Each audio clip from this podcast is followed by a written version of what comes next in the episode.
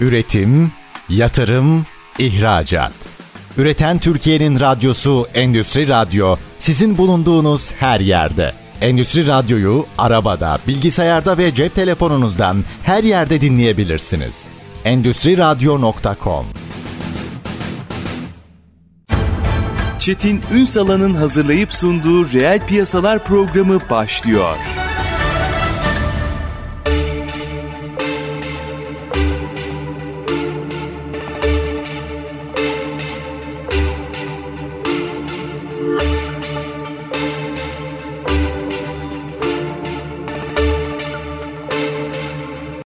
Piyasalardan merhabalar. Türkiye'nin gerçek gündeminde birlikteyiz. Efendim bugün aslında yeni ekonomiyi konuşacağız. Ama yeni ekonomide pozisyon almayı konuşacağız. Neyin üzerinden? Geçtiğimiz günlerde hatırlayacaksınız telefon bağlantısıyla öncesinde konuşmuştuk. Sonrasında hatta dışarıdan bir gözle TÜBİDER Başkanı'na da bağlanmıştık. O da değerlendirmelerini aktarmıştı ve kritik olarak nitelendirmişti. Ve bugün artık çıktılarını konuşacağız. Yerli yazılım yani sadece yazılım veya dijital ekonomi, siber dünya değil. Bunun içerisinde pozisyonlanmayı, yerli yazılımı, siber güç Türkiye çalıştayının sonuçlarını konuşacağız. Kıymetli bir konumuz var. Müsiyat Dijital Dönüşüm Sektör Kurulu Başkanı Ta Çiftçi. Bugün reel piyasaların konu. Sayın Çiftçi hoş geldiniz efendim. Teşekkür ederiz. Bizler de. Sağ Baya yoğun gördüğüm kadarıyla ve önemli şeylerin tartışıldığı dört ana başlık altında bir çalıştayı geride bıraktık. Tabii ki çalıştaylar çok önemli ama konu yerli yazılım olunca ayrıca bir ekosistem adına önem arz ediyor. Biraz sonrasını sonuçlarını açacağım ama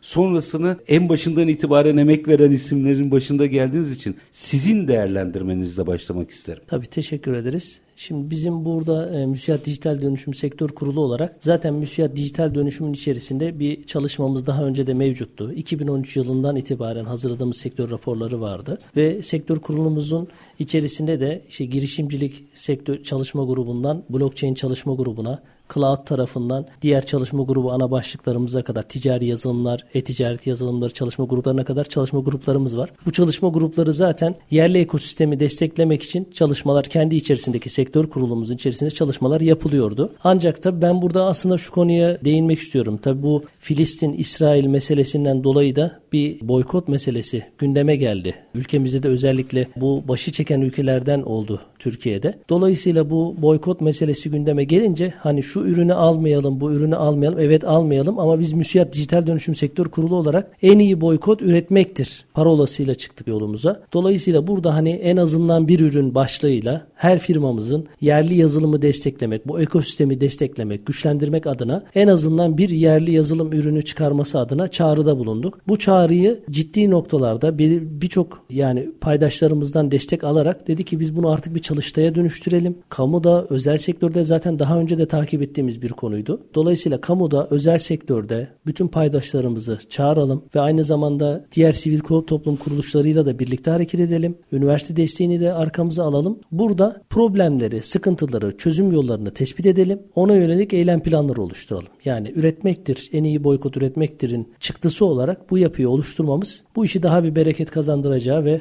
daha bu ekosistemi daha çok güçlendireceği için bu çalıştaya planlamalarını yap. Sadece bir ürün de değil. Yani şimdi yazılım dediğiniz zaman herhalde temas etmediği sektör, üretim, hizmet yok. Burada yerlileşme bence çok kıymetli bir başlık. Anladığım kadarıyla müsiyat üyelerinden de müsiyat üyesi olmayanlardan da çalıştaya olan teveccüh aslında herkesin bu işe çok hazır olduğunu gösteriyor. Evet. Biraz işin bu boyutunu da açmak isterim. Tabii yani biz burada tabii bu ekosistemi güçlendirmek için içe kapanık bir yapı değil de daha çok dışa yönük bir yapı oluşturmamız gerektiğini bilincindeydik. O yüzden tüm paydaşlarımızı davet ettik bu yerli ekosistemde. Aynı zamanda STK'ları, siber kümelenmeyi, bütün hepsinin bir arada bulunduğu bir yapı oluşturmamız lazım ki yani farklı sesler, farklı düşünceler bir araya gelirse bir zenginlik oluşturur düşüncesiyle hep beraber bu ekosistemi güçlendirmemiz gerektiğini düşündük ve bundan da olumlu meyve aldık. Herkesin olumlu geri, geri dönüşlerini aldık. Yani burada e, üniversite camiasına olsun, kamudan olsun, özel sektörden olsun tüm paydaşlarımız çalıştayın memnuniyetini dile getirdiler. Hani bu kadar yapıcı bir çalıştayın somut çıktılarının olacağını tamam evet bir güzel bir çalıştay olacaktı ama bu yapıda oluşacak oluşacağını düşünmediklerini ilettiler. Tabii bizim için şu anda daha yeni başladı süreç. Tabii. Yani biz açıkçası Çalıştay Çalıştay'ı olması aynen, lazım. Çalıştay'ın olması bir giriş. Bunun gelişmesi var, sonucu var. Şu anda bu süreçleri ilerleteceğiz. Önümüze amaçlarımızı, hedeflerimizi, KPI'larımızı belirteceğiz. O noktada adımlarımızı, zirvelerimiz, panellerimiz bunları bu Çalıştay'ın sonuçlarındaki maddelerimize göre hedefleyerek yapacağız. Dolayısıyla biz eğer yerli ekosistemi desteklemek istiyorsak, bu ülkemiz adına bir fayda sağlamak, temin etmek istiyorsak birlikte hep beraber aksiyon almamız gerektiği kanaati tüm arkadaşlarımızın kanaatiydi ve birlikte güçlenerek ilerleyeceğimizi inanıyoruz yani buna. Çalıştay çıktılarına da geleceğim ama ilk önce o dört ana başlık altındaki tartışmaları dinleyicilerimizle paylaşalım. Evet şöyle yerli ürün stratejilerimiz konuşuldu ilk salonumuzda. Hatta şöyle söyleyeyim her başlığın bazı bazen iki salonda değerlendirmesi oldu yani çalıştay olarak bu kadar teveccüh Yetmedi vardı. yani. Tabii tabii yetmedi yani. Dolayısıyla yerli ürün stratejilerimiz konuşuldu. Açık kaynak kod ve standartları konuşuldu. Dijital dönüşüm stratejileri konuşuldu. Son olarak da siber güvenlik ve eylem planları konuşuldu. Ya bu Türkiye'nin aslında bu meseleye çok hazır olduğunu göstermiyor mu? Zihni olarak yani burada bir yerlileşmenin galiba artık bir milli güvenlik sorunu olduğunu farkında. Bu sadece askeri anlamda düşünmeyin ne olur. Üretirken de aslında sürdürülebilirlik adına bu çok önemli. Tabii biz de zaten aslında ilk bizim buradaki hashtag'imiz tam bağımsız dijital oldu. Başlangıçta dedik ki milli güvenlik hamlesi mi yapalım yani hani biraz askeri kaçtı ama bu, bunu biz tam bağımsız dijital diyelim diye arkadaşlarımız arasında tartışıyorduk. Oysa Şöyle- ekonomi de milli güvenlik Tabii. meselesidir Tabii aslında. tabii kesinlikle. Şöyle yani bu aslında bir savunma sanayindeki gelişmeler bunun başını çekti tabii ki. Yani yerleşme noktasında biliyorsunuz yani son Orada bir 15 model yıldır- oluştu. Evet, bir model oluştu, bir örnek oluştu yani. Dolayısıyla oradaki model aslında buradan şuna geleceğim. İlk sorunuzdaki bizim yazılım sektörü normalde dikeyde büyüyordu ama artık yatayda yani bütün sektörlere temas ediyor. Savunma sanayine de girseniz, elektronik ticarete de girseniz, Otomotiv,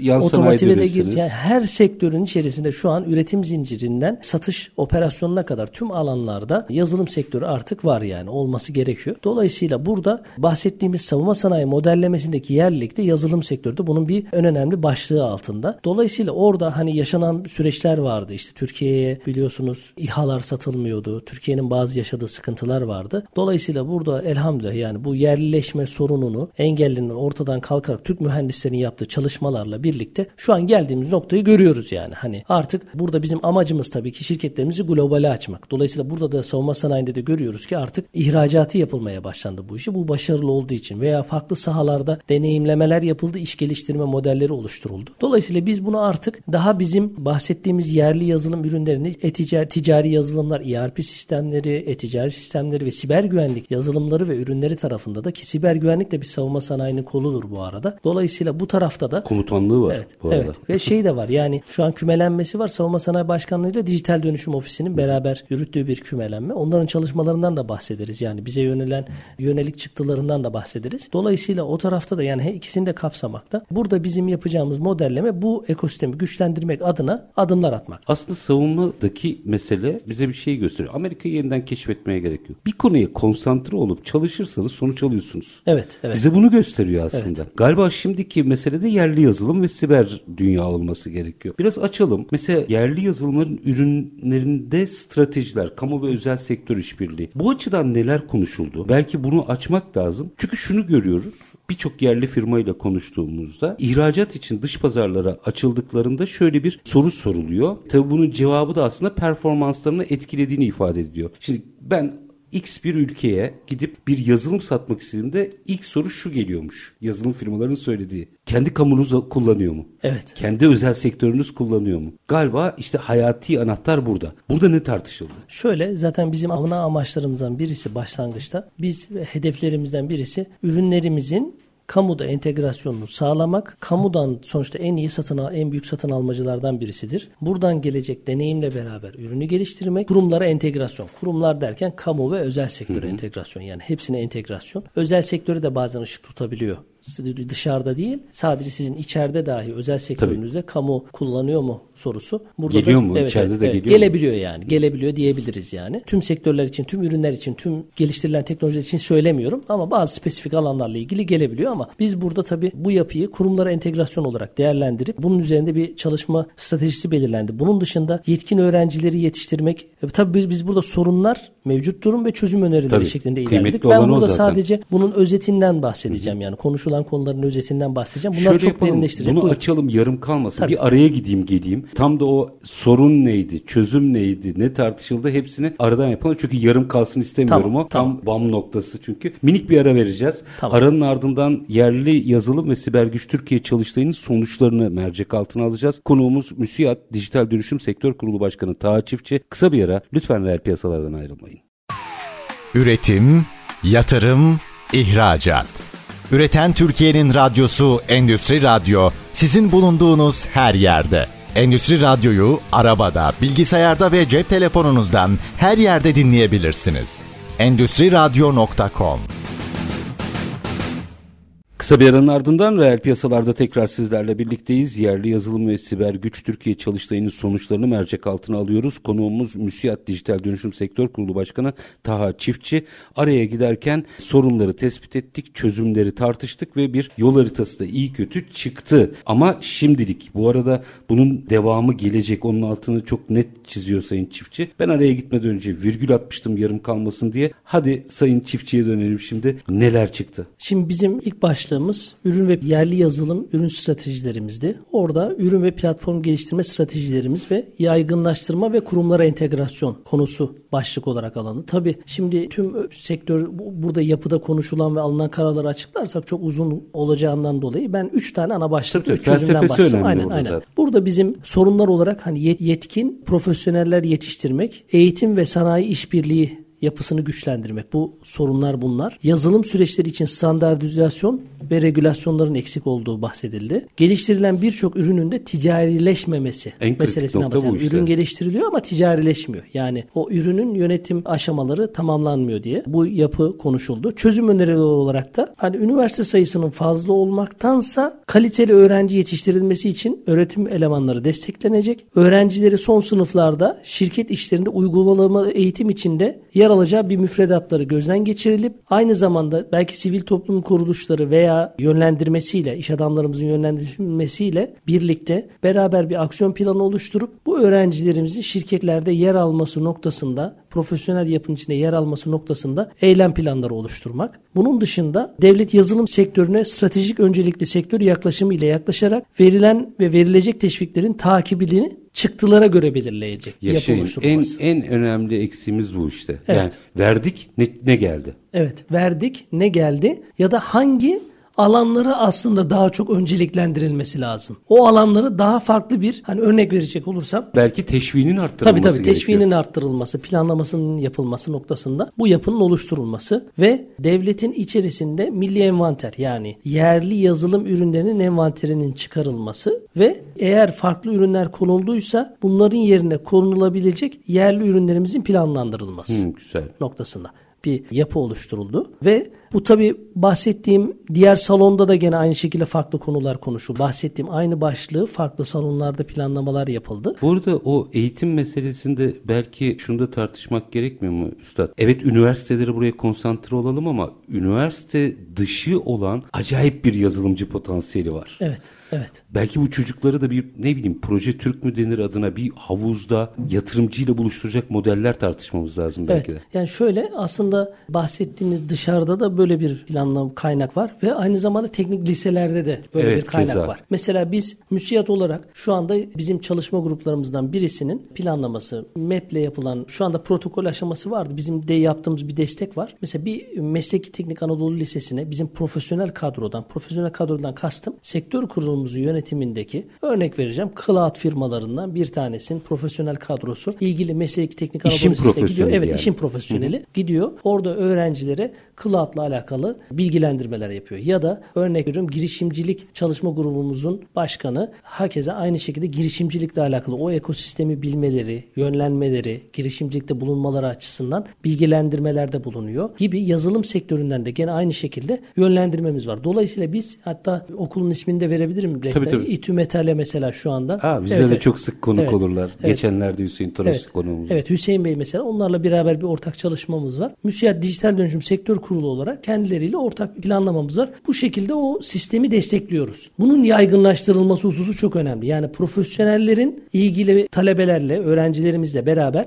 birlikte aksiyon almaları, onların daha farklı bir bakış açısı oluşturmaları ve sektöre daha iyi hazırlanmaları noktasında bu kaynağın giderilmesi noktasında daha iyi bir adım olacağı kanaatindeyim. Devam edelim. Evet. Ee, çünkü diğer mesela şu açık kaynak kod standartları meselesinde neler tartışıldı merak ederim. Burada da sorunlar olarak açık kaynaklı ürünlerdeki güvenlik açığı, sahiplik, destek ile ilgili yanlış bir algı bulunmakta konusu özellikle gündeme geldi. Kamu genelgelerinde baskılayıcı taahhütname istekleri açık kaynak kodlu yazılım geliştirmeyi kısıtlatmada diye bir sorun tespit edildi. Güvenlik nedeniyle Tabii güvenlik genellikle. nedeniyle. İnsan kaynakları ve tecrübeleri açık kaynak kodlu konusunda yeterli olmadığından olmadığı konusu gündeme geldi. Eğitim müfredatlarında kapalı kod ürünlerin öğretilmesi. Örnek veriyorum bir işletim sistemi kullanıyorsunuz siz ama mesela zaten öğrencilere o işletim sistemi isim vermeden söylüyorum. Bunu bilerek yetiştirirseniz zaten ilerleyen süreçte bu kişi illa yani yazılımcı olmasına gerek yok yani sektöre girmiş birisi. Kullanırken Tabii onu tercih kullanırken edecek. onu tercih edecek. Kurum da Kritik bunu tercih nokta bu ediyor. zaten. Evet. Siz burada mesela diyelim ki Pardus'u eğer kullandırırsanız Pardus kullanmakta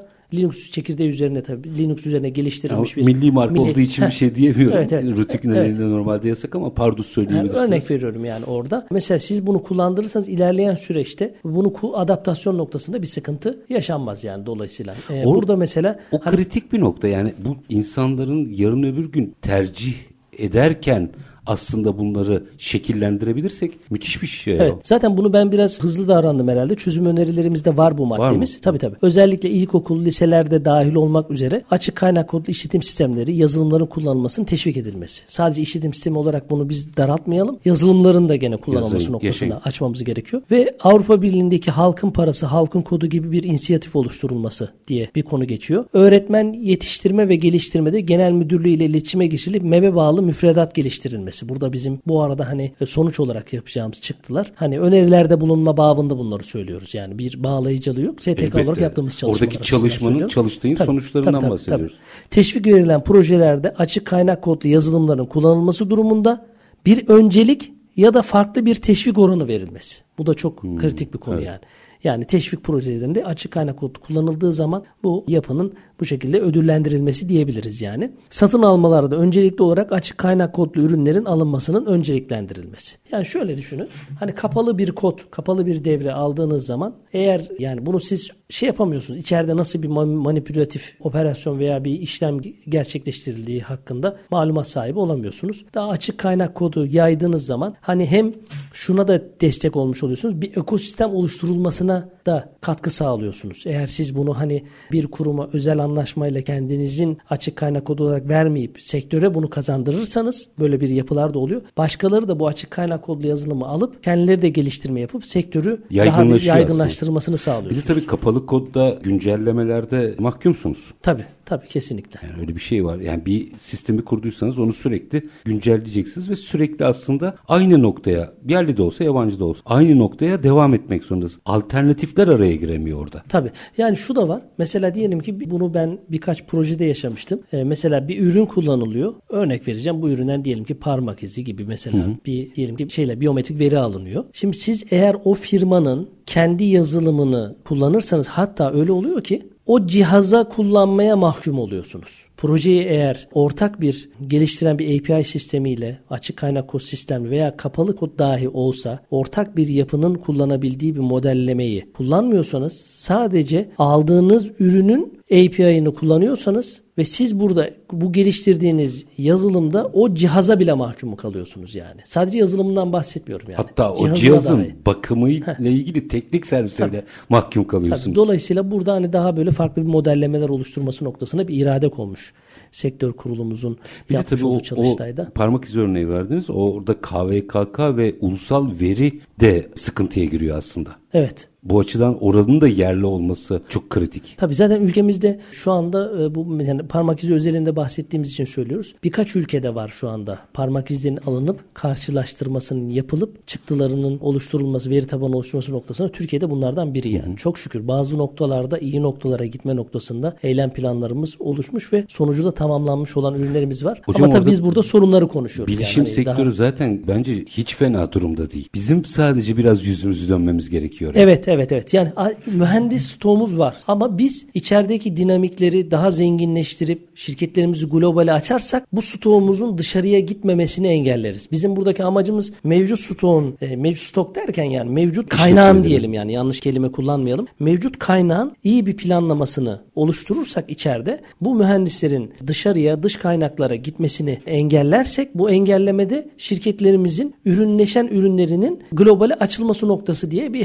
hedefleme olabilir. Yani personeli uluslararasılaştırmak yerine firmaları uluslararasılaştırırsak konu çözülüyor tabii, zaten. Tabii tabii çok güzel ifade ettiniz. Bu yapıyı oluşturmamız gerekiyor birinci olarak. İkinci olarak da evet biz burada yeteriz deyip yetmez mevcut gelecek olan kaynağı da doğru noktada planlayıp bu şekilde hedeflemeler oluşturarak zaten çıktılarımızdan birisi bu. Bu şekilde bir yapı oluşturulması ve bu ekosistemi sürekli güçlendirme. Yani gelecek olan su kaynağımızı da güçlendirerek bu işi daha e, büyük bir şekilde yerlileştirme, yerli yazılımın globale açılması noktasında desteği sağlamak olacak. Hocam içeride var gördüğüm kadarıyla ama açmak anlamında soruyorum. Hatırlar mısınız bizim milli güvenlik derslerimiz var. Hatırlamayabilirsiniz. Yaşımız çok Hatırlıyorum, farklı. hatırlıyorum. Hatırlıyor evet, evet, evet. E, normalde o işin profesyoneli gelirdi, evet. dersleri anlatırdı. Öğreticilerin eğitimi süreci devam ederken bir yandan belki sektöre böyle bir görev düşüyor. Bu gönüllülük esasıyla yapılıyor evet. genellikle ama belki atamayla o milli güvenlik derslerinde olduğu gibi sektörden birilerinin ders vermesini zorunlu tutmak lazım belki de. Evet biz zaten işte bahsettiğim ilgili mesela Teknik Anadolu Lisesi'ne bir hamilik projesi olarak yapıyoruz bunu. Dolayısıyla bunu yaygınlaştırmak lazım. Zorunlu olabilir ama gönüllülük esasına göre de STK'lara bir Der, düşüyor. Derneklerden atanabilir bu. Tabii tabii sivil toplum kuruluşlarının özellikle tüm sivil toplum kuruluşlarının yani bunu çağrıda çıkmak lazım. Özellikle teknolojiyle alakalı olan sivil toplum kuruluşlarımızın Akredite hepsi... edilir kamu evet, tarafından evet. dernekler. O evet. dernek atar öğretmeni. Tabii. Yani bunu bunu kesinlikle yapılması fayda sağlayacaktır. Biz bu faydayı görüyoruz bu arada. Denenmiş bir örnek olarak söylüyorum. Yani dijital dönüşüm sektör kurulunun yapmış olduğu. Ha bu arada şundan bahsedeyim. MÜSİAD'ın 16 tane sektör kurulu var. Sadece dijitali de özelleştirmeyelim. Diğer sektör kurullarında da bazı sektör kurullarımız şu anda bunu yapıyor. Diğerleri de yapma, yapmak için şu anda anlaşmalar yapıyorlar. Dolayısıyla bunu hani tüm diğer sektör STK'larında yapması gerektiğini düşünüyorum kesinlikle, açıkçası. Kesinlikle fikir. Devam edelim. Bir diğer başlığımız mesela dijital dönüşüm stratejileri. Aa çok güzel. Burada gerçekten somut ne konuşuldu? Bizim şu an dijital dönüşüm stratejilerimiz noktasında dijital dönüşüm üzerinde kamuoyunda kavramsal olarak bir kafa karışıklığı olduğu konusunda bir sorun tespit edilmiş ve dijital dönüşümün öneminin net bir şekilde anlaşılamaması hususu. Dijital dönüşümün işletmelerde karar alıcılara işletmeye sağlayacağı faydaları, değerleri, önerilerin doğru aktarılamaması. Yani karar vericilere doğru aktarılamaması hususu. Dijital dönüşüm süreçleri IT departmanlarına teslim edilip organizasyonların dağılımı engelleniyor diye Aa, bir yani e, yönetim konuda. kurullarında olması gerekiyor bunun zihni dönüşüm. Yani şöyle sadece kendi IT departmanınızda değil aslında belki dijital dönüşüm danışmanı da alması lazım şirketlerin.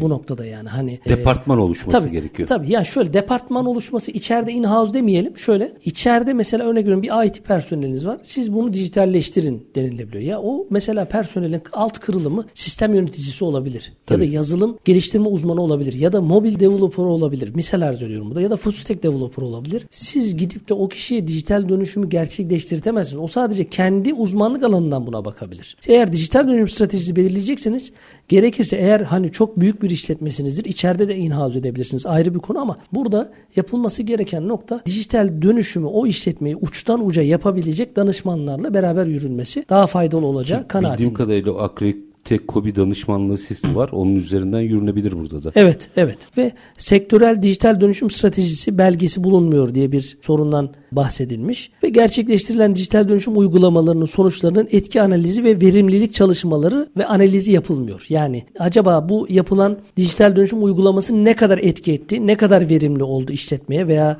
genel olarak nasıl bir planlama yapıldı bu konu. Çözüm olarak da yani eşgüdümlü bir şekilde tüm ilgili paydaşların, üniversiteler, kamu kurum ve kuruluşları kuruluşları, STK'lar, işletmeler katkısıyla dijital dönüşüm için kavramsal bütünlük sağlamak adına eğitim, seminer, kamu spotu vesaire gibi bilgilendirme faaliyetlerinin yapılması konusu. Ya aslında galiba bizim neredeyse dilimize pelesenk olması gerekiyor bunun. Evet. Ama dijital dönüşüm, dijital dönüşüm diye değil de bu bahsettiğiniz başlıklar somut. Evet. Çıktılarını da mercek altına alarak galiba çözüm önerisi olarak yol haritasında bunun altı çiziliyor. Yanılıyor muyum? Tabii tabii kesinlikle. Ve şöyle biz şimdi mesela bu çözüm önerilerimizi alt KPI'larını oluşturacağız. Örnek veriyorum. Biraz önce diyor ya mesela kamuoyunda bu kamu spotu oluşturulması veya bu konuyla alakalı bilgilendirmeler yapılması. Mesela bazı zirveler, paneller planlayacağız. Bunu destekleyici e, bu işleri de her maddeyi derinleştirerek üzerinde çalışma yaparak ne kadar verimlilik sağladık bunu da kendimiz de ölçmemiz gerekiyor. Güzel. Çalışma Yani bunların olarak. çalışma komisyonları oluşacak öyle anlaşılıyor. Evet, evet, evet. Minik bir araya gideceğim. Tabii. Aranın ardından belki başlı başına bir sektör siber güvenlik meselesi. Evet. Onu bir konuşalım. Neler tespit edilmiş ve nasıl bir çalıştay sonucunda yol haritası önerisi çıkmış. Ona da bir bakalım ama minik bir araya gidelim. Tamam. Aranın ardından devam edeceğiz. Efendim yerli yazılım ve siber güç Türkiye çalıştayının sonuçlarını konuşuyoruz. Konuğumuz Müsiyat Dijital Dönüşüm Sektör Kurulu Başkanı Taha Çiftçi. Kısa bir ara lütfen bizden ayrılmayın. Üretim, yatırım, ihracat. Üreten Türkiye'nin radyosu Endüstri Radyo sizin bulunduğunuz her yerde. Endüstri Radyo'yu arabada, bilgisayarda ve cep telefonunuzdan her yerde dinleyebilirsiniz. Endüstri Radyo.com Kısa bir aranın ardından reel piyasalarda tekrar sizlerle birlikteyiz. Yerli yazılım ve siber güç Türkiye çalıştayının sonuçlarını mercek altına alıyoruz. Konuğumuz Müsiyat Dijital Dönüşüm Sektör Kurulu Başkanı Taha Çiftçi. Dört oturum ana strateji vardı. Yerli yazılımların ürünleştirilme stratejileri, kamu ve özel sektör işbirliği. Burada hem sorunları hem çözümleri. Açık kaynak kod ve standartları hem sorunları hem çözümleri. Dijital dönüşüm stratejileri hem sorunları hem çözümleri yani çalıştay çıktılarını konuştuk. Dördüncü bir başlık var ki başlığına stratejik bir başlık. Siber güvenlik stratejileri ve eylem planları. Sayın Çiftçi orada neler tespit edildi? Öneri olarak neler sunuldu çalıştığınız Şimdi ben öncelikli olarak şunu ifade etmek istiyorum. Bazı ülkeler hani dünyadaki önemli güç olan bazı ülkelerde yerli yazılım ürünlerini ve siber güvenlik ürünleri noktasında kesinlikle yerli ürün kullanılacağı noktasında ve başka yabancı ürünlerin kullanılmaması noktasında kesin karar alınmış durumda. Avustralya mesela bu konuda çok Rusya'da şeyi, mesela Rusya keza. Çin'de bunlar mesela kesinlikle yerli yazılım kullanılması bazı sektörlerde bazı sektörün dikeyinde bunları konumlandırılması noktasında karar aldılar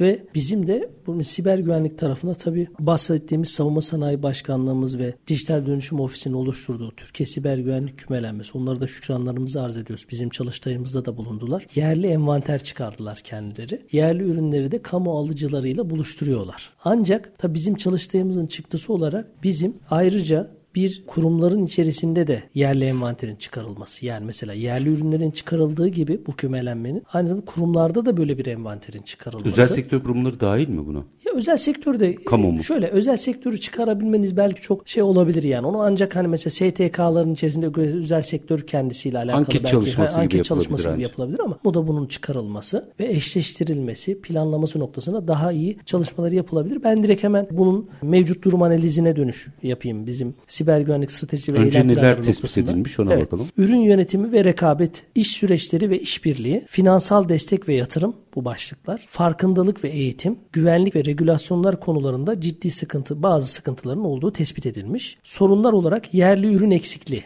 Mesela örnek vereceğim. Zararlı yazılım noktasında bildiğim kadarıyla tek bir yerli ürünümüz vardı. Ancak bir dünyaca ünlü bir şirket satın aldı şirketi. Dolayısıyla yerlilikten çıkmış oldu bu şirketimiz. E, Bunun gibi burada ne diyor? Mesela yerli ürün eksikliği konusu. Yani alanla alakalı çok geniş bir alan var. Yerli ürünlerimiz var ama bizim stratejik alanlarla alakalı öncelikli ürün planlaması yapmamız gerekiyor. Burada bahsettiğimiz yerli ürün üretimi teşvik etme, ARGE ve inovasyonu destekleme destekleniyor. Ancak bahsettiğim stratejik alanlarla ilgili özellikle Yani bizim desteklemeyi belli başlıklar öyle doğru Ölçeklendirme anlıyorum? diyebiliriz Belli yani burada. başlıklara öncelik vererek Evet. oralarda belki kümelenmeleri, yerli üretimleri vesaire destekleyerek oraya ekstra özellik tanımak gerekiyor galiba. Tabii Onu ekstra anlıyorum. teşvik verilmesi Teşvik. gerekiyor. Ekstra planlamalar yapılıp o şirketin sorunlarını tespit etme, belki ona özel çalışmalar yapılması gerekiyor. Hmm. ARGE ve inovasyonu destek, yerel girişimciliği destekleme, tüketicileri bilinçlendirme, uluslararası işbirliği, yerel üretimi güçlendirme, dış ticaret politikalarını gözden geçirme olarak, tabi burada pardon sorunlar olarak bahsediyorduk. Kamu özel işbirliği eksikliği, hantal satın alma süreçleri gibi konular hmm. çıktı olarak elde edilmiş. Bunlara yönelik de çözüm önerileri olarak yerel üretimi teşvik etme bahsettiğimiz, ARGE ve inovasyonu bahsettiğimiz şekilde biraz önce üzerinden geçtiğimiz şekilde teşvik etme, yerel girişimciliği destekleme, uluslararası işbirliği oluşturma, yerel üretimi güçlendirme, dış ticaret politikalarını gözden geçirme bu noktada. Tüketicilerde farkındalık oluşturma gibi çözümler geliştirilmiş. Bizim siber güvenlik tarafındaki yaptığımız Çalıştay'ın sonuçları olarak bunları özetleyebiliriz. Genel anlamda Çalıştay'ın şimdi her oturumun aslında çıktısı bu. Yani hem sorunu hem tespiti hem de çözüm önerilerini aslında mercek altına alınmış. Genel anlamda Çalıştay'la ilgili bir mesaj desem ne çıktı? Yani şöyle genel anlamda baktığımız zaman özetlersek Hı. bizim burada bir kere insan kaynağımızı doğru planlamamız gerekiyor. Bir. Birincisi. İkinci olarak teşvikleri ölçeklendirerek öncelikli ölçeklendirilecek alanları belirleyip onlara doğru daha yapısal bir düzenleme yapılması yapılması konusu. Üçüncüsü ürünün ürünle yani ürünleştirilen ürünlerimizin ticarileşmeme sorunlarının tespiti yapılması, şirketin globale açılması noktasındaki engellerin kaldırılması noktasında eylem planları oluşturulması konusu oluyor. Dördüncüsü milli bir envanterin çıkarılması, yerli ürünlerimizin burada konumlandırılması, beşinci olarak kümelenme yapılarının daha güçlü bir şekilde desteklenmesi. Gerek kamu gemel özel, özel sektörünün nezdinde bu oluşturulması için tüm altyapı çalışmalarının yapılması. Burada bilinçlendirme olabilir, özel sektörü veya kamu tarafında bunu yönlendirme yapılabilir. Bu yapının oluşturulması. Onun dışında finansal destek ve yatırım çözümleri oluşturulması. Çünkü neticede bu ürünlerin geliştirilmesi için bazı finansal zorluklar yaşanabiliyor. Bizim bu içten kaynağımız da dış merkezli veya dış operasyon yürüten şirketlerin veya da global şirketlerin personeli olarak şirketini kapatıp orada çalışabiliyor. Buradaki yapıların oluşturulması, eğitim ve farkındalık çözümleri, regülasyon ve denetim sorunlarının çözümleri diyebiliriz. Bu şekilde Üstad, Bir de bunu Çalıştay'dan ağrı tamamıyla tespitleriniz doğrultusunda merak ederim yorumunuzu. 2003 senesiydi galiba. 2003'tü tabii. O dönemde bu konuyla ilgili bir açık oturum yapmıştım o zaman çalıştığım televizyonda. Şu üç model tartışılıyordu dünyada. İşte Hindistan modeli vardı, İsrail modeli vardı ve İrlanda modeli vardı. Biz hangisine uyalım diye tartışırken o zaman demiştim ki niye bir Türkiye modeli yok? Bizim artık 2023 yılında belki de bu konuyla ilgili yazılımın üretilmesi, ihracı ve globalleşmesi konusunda galiba bir Türkiye modeli oluşturmamız gerekiyor. Çünkü hepsinden farklı özelliklerimiz var ve dünyada yazılım yazılımcı oranı o kadar düşük ki ihtiyaca binaen bakıyoruz. Bunun önemli bir bölümü de bizde insan kaynağı olarak. Bizim burada nasıl bir Türkiye modeli oluşturmamız gerekiyor? Evet bizim şöyle bu ürünlerin alımı noktasında örnek veriyorum. Ürünler üretiliyor yalnız pazarlanamama noktasında. Burada tabii hani her şeyi kamuya yüklememek lazım. Dediğiniz bazı ülkelerin modellemesinde kamu bunun pazarlamasını yapıyor. Özel sektörün hı hı. pazarlamasını yapıyor. Ama mesela İrlanda öyle değil. İrlanda hı. çok enteresan. Evet evet. Bazıları mesela bahsettiğiniz ülkeler arasında bunu yapıyorlar. Biz burada bu modellemeleri zaten şu bu yaptığımız çalıştay bunun sonucu aslında. Bir Türkiye modellemesini ortaya koymak, Türkiye'nin dijital dönüşüm yolculuğunda önemli bir dönüm noktasını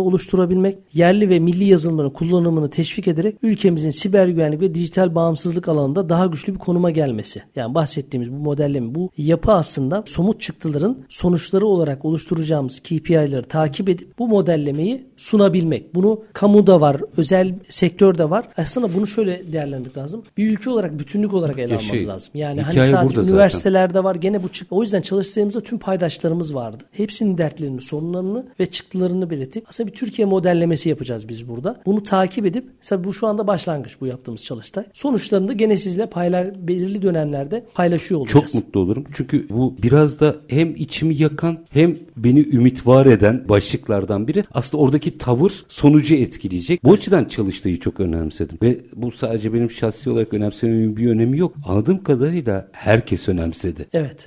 Evet. Günün sonunda orayı kapattığınızda zihninizde kalan müsiat, bütün ekip falan hepsini bir kenara koyuyorum. Dijital dönüşüm noktasında baktığımızda yani dijital dönüşüm sektör kurulu başkanı Taha Çiftçi olarak o günü bitirdiğinizde aklınızda kalan neydi? Şöyle o günü bitirdiğimizde aklımızda kalan hakikaten sektöre katkı sağlamamızın bir heyecanı vardı. Burada bireysel sordunuz ama sektör kurulundaki arkadaşları da dinlediğimde hepsinde böyle bir heyecan vardı. Ümidimiz var ama bu ümidimizi daha çok hani acaba bu çalıştayı yapacağız ama çalıştay nasıl olacak? Nasıl sonuçlanacak? Sonrasında nasıl bir modelleme olacağız? Nasıl bir rağbet olacak? Bunu merak ederken ciddi bir teveccüh olması bizim ümidimizi arttırdı. Benim şahsi düşüncemden ziyade orada gelen insanların gözündeki ışıltıyı, oradaki insanların düşüncesi, fikirleri, somut çık sonrasındaki somut çıktılarını görünce daha da ümitlendik yani. Biz yani birlikte daha iyi bir Türkiye için dijital tam bağımsız, dijital diyeceğimiz ve bunun arkasını takip edebileceğimiz bir ekiple, ekip ruhuyla beraber yol alacağımızı ümit edecek bir şekilde sonuçlandırdığımızı düşünüyorum. Şimdi bu çıktılardan komisyonlar mı oluşacak? Bundan sonraki yol haritası şöyle, ne? Nasıl takip e, edeceksiniz? Şöyle, bizim burada şimdi farklı paydaşlarımız vardı çalıştayımıza katılan. Bu paydaşlarımızın her birinin bu çalışma masasının içerisinde bir planlama oluşturacağız. Yani sadece müsiyatın içerisinden değil. Ekipler oluşacak. Ekipler oluşacak. Bu ekipler öncesinde tabii sektör kurulu olarak biz raporumuzu derinleştireceğiz. Hı hı. Derinleştirdikten sonra bu heyetimizle paylaşacağız. Heyetimizden müsiyattan da bir temsilci olacak ve diğer sektör paydaşlarımızdan da temsilciler olacak. Müsiyatın ve bu sektör paydaşlarımızdan çıkan sonuçları takip edecek bir modelleme oluşturup örnek veriyorum bununla ilgili inografikler yapılıp medyaya servis edilecek. Halkı bilinçlendirecekse bununla alakalı çalışmalar yapılacak. Kamuyla alakalı bilgilendirme yapılacaksa bu heyet kamuyu ziyaret edecek. Bir bütün olarak konuyu ele alıp belirli periyotlarla da yapılan çalışmalarla alakalı bilgilendirmeler verip ne yaptık,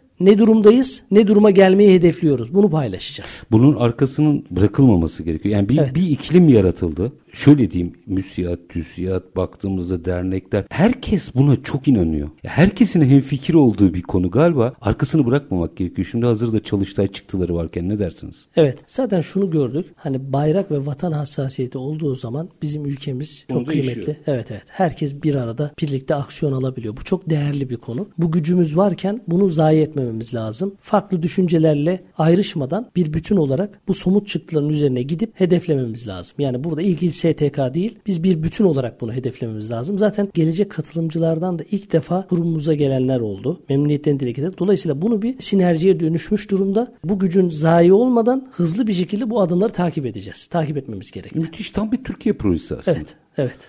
Emeğinize sağlık. Ben takip ederim ama. Söyleyeyim. Tabii tabii. tabii, tabii Onu söyleyeyim en başta yani. Görürsünüz 20 yıl önce konuştuğumu da hatırlıyorum. Evet. Ee, ama bunu da 20 yıl sonra ya, gördünüz mü tabi biz o zaman konuşmuştuk neler olmuş diye evet. konuşmayı temenni ederim. Son bir cümle alayım. Size öyle veda edeyim. Son cümlem şu olsun tam bağımsız dijital diyelim. Çünkü bu artık galiba bir varoluş mesela evet. iktisadi varoluştan bahsediyorum evet. tabii. Ya bugün doğru şeyleri yapacağız ya da başkalarından alabildiğimiz paralarla başkalarının teknolojisini kullanacağız. Kritik nokta bu ayrımdayız galiba. Evet çok teşekkür ediyorum. Ben çok teşekkür de. ediyorum. Sağ var olunuz. Sağ Efendim biz bugün Müsiyat Dijital Dönüşüm Sektör Kurulu Başkanı Taha Çiftçi ile yerli yazılım ve siber güvenlik çalıştayının sonuçlarını kullandık. Bu bir ekosistem. Buna herkesin sahip çıkması gerekiyor. Türkiye'nin geleceği geleceği adına çok sahip çıkmak gerekiyor. Bir de teknolojiyi kullanmak çok güzel. Yıllar önce bir yazımda şunu sormuştum.